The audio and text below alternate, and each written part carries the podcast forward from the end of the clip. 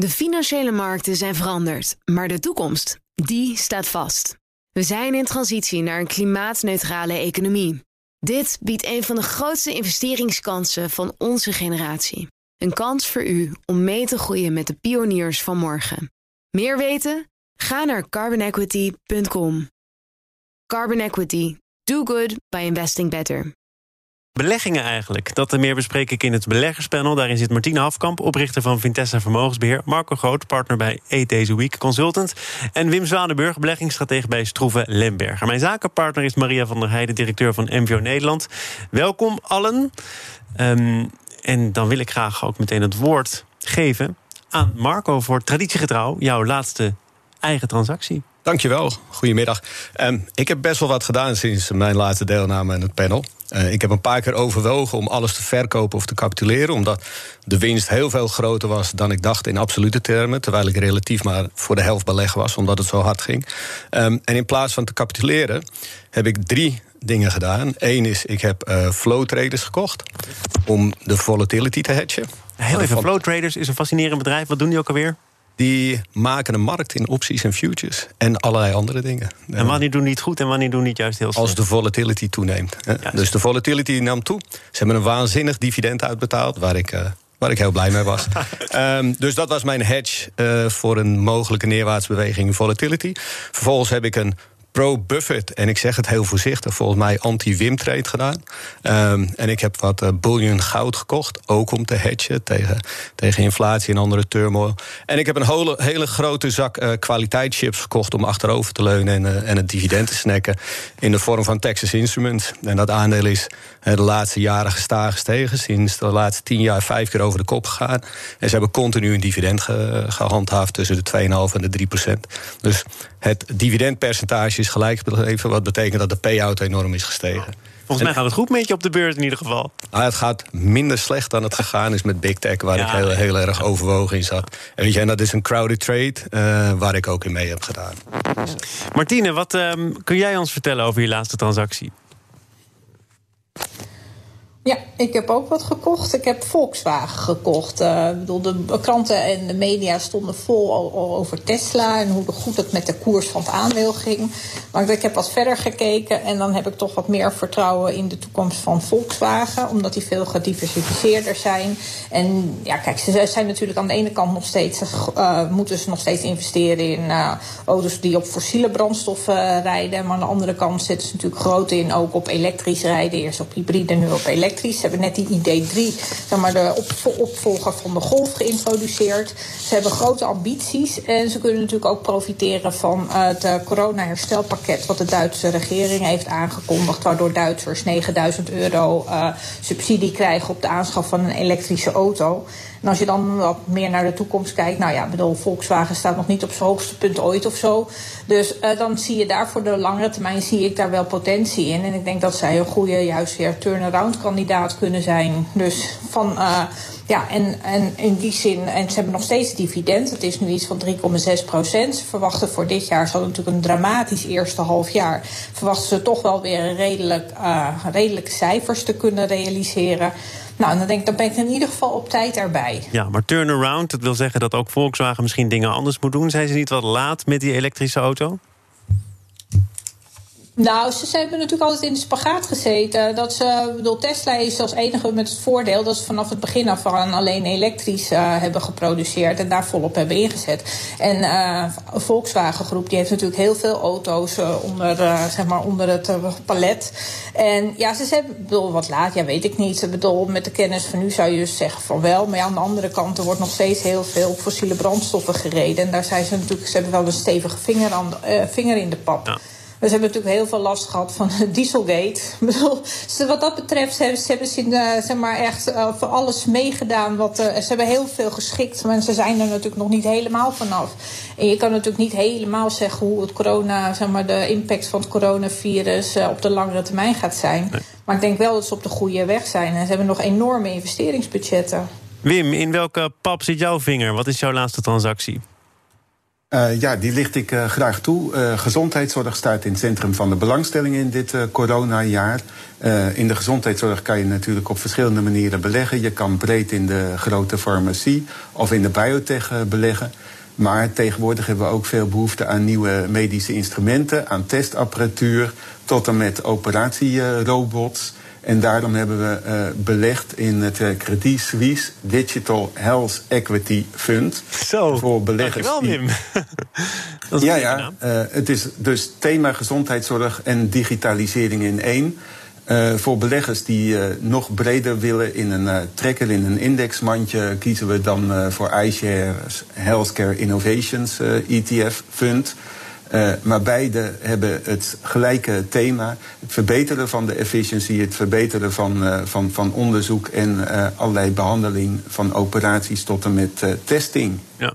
Nou, dat is een uh, logische stap, zou je zeggen. Ik wil naar een andere stap, die in ieder geval voor de Nederlandse aandeelhouders van Unilever kennelijk heel logisch was. Want er is gisteren gestemd over een verhuizing, over het één worden van het bedrijf, het Brits worden van het bedrijf. Het was een virtuele vergadering en de stemming liet eigenlijk weinig aan duidelijkheid over. 99,4 procent was het daarmee eens met die nieuwe structuur van Unilever. Gaat dus over de Nederlandse aandeelhouders. Ik sprak er gisteren ook over met eh, Jos Versteeg, onze beursanalist op maandag. En die zei ja. Dat is ook logisch, want uh, die twee structuren naast elkaar laten bestaan, dat is ingewikkeld, dat leidt maar tot kosten. Dus kies je nu voor eenvoud, kies je uiteindelijk voor meer efficiëntie. Logisch. Marco, heeft hij gelijk? Ja, gelijk zal in de toekomst blijken. Ik denk dat hij voor nu geen ongelijk heeft. Uh, meneer Rutte is ooit uh, volgens mij deze discussie gehad. Begonnen in verband met dividendbelasting. Om, om Unilever in, in Nederland te houden. Je, ik vind het niet zo heel spannend wat hier gebeurt. Ik vind het prima dat Unilever naar Londen verhuist. Wij hebben de, het leven wat banenverlies op in Rotterdam op den duur. Het zou nu kunnen zijn, maar ik denk dat het pas op den duur zal gebeuren. Maar daartegenover staat bijvoorbeeld dat we op dezelfde dag het Just Eat Takeaway hoofdkantoor in Nederland hebben gewonnen. Wat het grootste deliverybedrijf is ter wereld nu. En we hebben volgens mij het medicijnagentschap ook van Londen gewonnen. Dus die strijd zijn voortdurend met elkaar in gevecht. Maar laat ik dan naar een ander, misschien wat spannender dossier gaan. Namelijk het initiatiefwetsvoorstel van GroenLinks. Om ervoor te zorgen dat grote bedrijven die nu, omdat die dividendbelasting uh, anders is gelopen dan ze hebben gedacht, alsnog zouden moeten gaan betalen. 11 miljard heeft Unilever ja. becijferd. Een vertrekboete. Hartstikke goed. Weet je, eh, misschien als jij van de gemeente Blaricum naar de gemeente Tjitjerk-Stradeel verhuist, dat je onroerend goedbelasting omlaag gaat, krijg je dan van de gemeente Blaricum een boete omdat je gaat verhuizen? Ik, ik, ja, ik zie niet zo wat, uh, wat rationaler is. Je kan volgens mij alleen een boete krijgen voor dingen die regels overtreden. En ik zie niet zo goed welke regel hier overtreden wordt. Mm. Ik ga naar uh, andere leden van het panel. Namelijk Wim. Die uh, vertrekboete. Dat uh, overigens door de Raad van State is daarover geadviseerd. Dat moet nog in de openbaarheid komen. Ook om duidelijk te krijgen of dit juridisch allemaal houdbaar is en op welke manier dan. Maar zit er toch wat in wat GroenLinks zegt? Hè? Ik bedoel, je hebt hier uh, jarenlang kunnen bouwen aan je bedrijf. er zit nog winst in dat bedrijf. Je verhuist nu op het moment dat het jou goed uitkomt. Daar steken wij op deze manier een stokje voor. Ja, sommigen noemen het uh, juridische haakloverij, maar dat is het toch uh, niet helemaal. Kijk, uh, GroenLinks speelt hier een beetje populistisch in op het onderbuikgevoel van ze vertrekken en ze hebben hier allerlei belastingvoordelen gehad. het wetsontwerp wordt al aangepast en dan gaat niet Unilever zelf het betalen, maar de aandeelhouders. Nou, dat draagt natuurlijk niet bij tot een gunstig beleggings, maar ook niet tot een gunstig investeringsklimaat en ook niet tot een gunstig uh, vestigingsbeleid. Maar het leidt er wel toe dat die verhuizing niet door zou gaan. Dat zou eventueel uh, uh, kunnen, maar we moeten inderdaad nog zien. Uh, de kleven veel haken en ogen aan. Eventuele strijdigheid met internationale belastingverdragen. Dus de Raad van State heeft er allerlei kanttekeningen bij geplaatst. En het is helaas zo dat GroenLinks heeft gezegd: we gaan er nog verder op studeren en we gaan het wetsontwerp aanpassen. Maar het is dus nog niet eens zeker dat het in behandeling komt bij de Tweede Kamer. Maar GroenLinks heeft er wel een, nou, een mooie publiciteit mee voor hun, hun achterban. Maar als we kijken naar het internationaal vestigingsklimaat, dan is het eigenlijk toch vooral nadelig voor ons eigen land. Ja. Uh, Martine, dat is een manier om naar te kijken. Toch nog even in herinnering roepend dat ook Unilever heeft gezegd: als die wet er komt en als onze som klopt, die 11 miljard, dan zien wij af van een verhuizing. En er zijn ook andere partijen, niet alleen GroenLinks, die hier wat sympathieker tegenover staan. Is het dan een voorstel dat je toch serieus moet nemen? Uh, nou ja, dat zal de tijd leren. Dus het is inderdaad nog niet bekend wat de Raad van State heeft geadviseerd. Het lijkt mij zeer onwaarschijnlijk dat, dat, uh, dat zij positief daarover zullen adviseren. Want nou, je hebt met Europese wetgeving van doen. En ook natuurlijk een, iets zoals een uh, Brits-Nederlands belastingverdrag. Dus ik zie dat allemaal nog niet zo heel snel gebeuren. En je moet ook kijken, twee jaar geleden was er ook een stemming. Toen zou Unilever al het plan opgevat om naar Nederland te verhuizen. En daar waren alle Britse aandeelhouders een beetje tegen. Wel, aan de andere kant heeft voor uh, natuurlijk nu voor Nederlandse aandeelhouders het voordeel zien dat er geen uh, dividendbelasting wordt ingehouden. Dus ja, dan, uh, ik zie het allemaal nog niet zo heel erg gebeuren, zeg maar. Ik denk meer dat het dan om in. Mm. dat het meer een, een, een, iets voor de bühne is dan dat het echt. ja, bedoel, het is altijd makkelijk om populistisch wat te roepen. Maar je moet altijd even, even, iets verder kijken dan je neus lang is. En hoe haalbaar het dan is. Wil aandacht trekken is leuk. Maar je moet er ook wat mee kunnen bereiken dan. En dat zie ik hier helemaal niet. Ja, ik denk dat het ook aandacht trekken is in aanlopen naar. Ten meer omdat vergeet niet dat als je ervoor kiest om deze boete wel te introduceren, dat het volgende bedrijf wat overweegt om zich in Nederland te vestigen, wellicht terugtrekt. Omdat, als je dan vestigt en een paar jaar later denkt misschien, het is toch niet zo leuk hier. Of het is elders beter, dan krijg je een boete voor je neus. Dus ik denk dat het de toekomst eerder remmend is dan, uh, dan, dan dat het helpt. We gaan naar de toekomst van een ander groot bedrijf. Zaken doen. En we, dat is het beleggerspanel. En daar zit Martine Hafkamp, Marco Groot en Wim Zwanenburg. En de toekomst van dat andere bedrijf, dan gaat het over Shell. Shell wil 30 tot 40 procent besparen op de kosten van olie- en gasproductie. Die komen dan nog bovenop de eerder aangekondigde besparingen van 3,4 miljard. Eh, allemaal in het licht van de coronacrisis. En die kostenbesparing die is nodig om als sterk bedrijf de energietransitie aan te kunnen. Wim, is Shell op dit moment zo'n sterk bedrijf? Nou, het is nog wel een sterk bedrijf, maar het heeft het natuurlijk dit jaar wel uitermate moeilijk. Want uh, er is sprake van een wereldwijde enorme vraaguitval uh, naar, naar olieproducten en ook naar, naar gas, totale energie. uitval, vraaguitval. Maar Shell Royal Dutch is natuurlijk wel bezig al langere tijd met die transitie. Ook met de overname van BG, het oude British Gas. En uh, ja, ze willen ook in uh, tal van andere alternatieve energieprojecten uh, meedoen. Maar zoals ze zelf zeggen, op die markt voor duurzame energiebronnen zijn de marges relatief klein. er moeten nog enorme investeringen worden gedaan. Dus ze zetten nu vooral in op kostenbesparingen. En vorige week heeft bijvoorbeeld ook British Petroleum, BP, hun jaarlijkse internationale energy outlook gegeven. En daarin voorzien ze de komende jaren naast de cyclische vraaguitval die er nu vanwege corona is, toch ook een verdergaande structurele uh, uh, terugval van uh, de vraag naar olieproducten. Dus ja, Shell moet het echt om de marges op te krikken en om eventueel het dividend nog te kunnen handhaven, toch ook fors inzetten op kostenbesparingen. Nou, ik vind dit niet echt een heel aantrekkelijk perspectief voor beleggers. Nee, Martine, wat vind jij ervan? Shell, toch nog één keer gezegd, de hoeksteen van alle portefeuilles. Ja. Ja, ja, ja. Ik bedoel, het is altijd never sell Shell. Hè. En ik denk ook dat je nummer, dat hebben natuurlijk heel veel beleggers wel de afgelopen tijd gedaan, getuigen de koers. Maar als je wat verder kijkt, bedoel, eh, ze zijn inderdaad, wat Wim ook zegt, al heel veel langer aan het investeren. Niet alleen in zon en wind en waterkracht, maar natuurlijk ook op waterstof zetten ze in.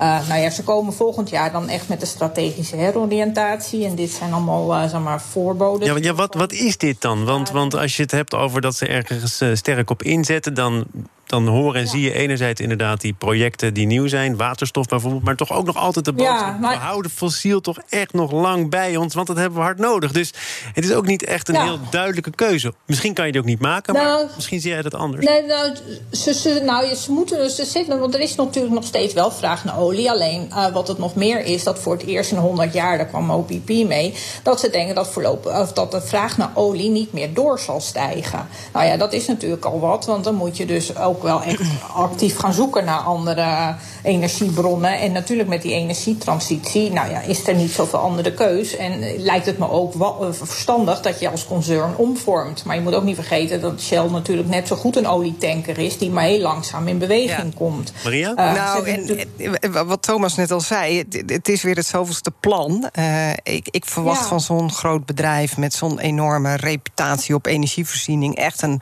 een strategie die wat sneller geïmplementeerd geïmplementeerd kan worden. Want de mogelijkheden zijn er. Ik zou wel wat meer concrete actie willen zien van Shell. Marco? Ja, maar daar zijn ze. Sorry, ik laat jou er nog even tussen komen, Martine, want dat was ook een vraag aan jou. Ja, ja, nou, ze hebben zelf aangegeven dat ze daar echt heel erg mee bezig zijn. Maar ja, er moet natuurlijk ook uh, ruimte voor gemaakt worden in de zin van investeringen. Dus daarom zijn ze nu al wel aan het aankondigen dat ze die kosten gaan besparen. Uh, en het gaat natuurlijk allemaal net wat sneller door de coronacrisis, dat ze nog wat harder uh, moeten ingrijpen. Want ze gaan ook bijvoorbeeld niet voor niks natuurlijk snijden in de raffinage. Maar, uh, dus dat ze daar, kijk, terwijl dat eigenlijk altijd een beetje ook een opvang was. En ze gaan ook minder inzetten op nieuwe oliewinprojecten. Dus ze zijn wel degelijk aan het omvormen. Alleen ze hebben het nog niet echt heel hard in een nieuwe strategie vertaald. Marco, Marco, jij houdt het niet meer. Dus ik, ik zou heel graag meneer Van Beurden willen spreken op het Wij ook trouwens. Want volgens, volgens mij hebben ze aangekondigd dat ze 4 miljard gaan besparen in exploratie, in de upstream business. En ik heb vanochtend even in de cashflow statement gekeken. Daar wordt ongeveer 12 miljard per jaar uitgegeven.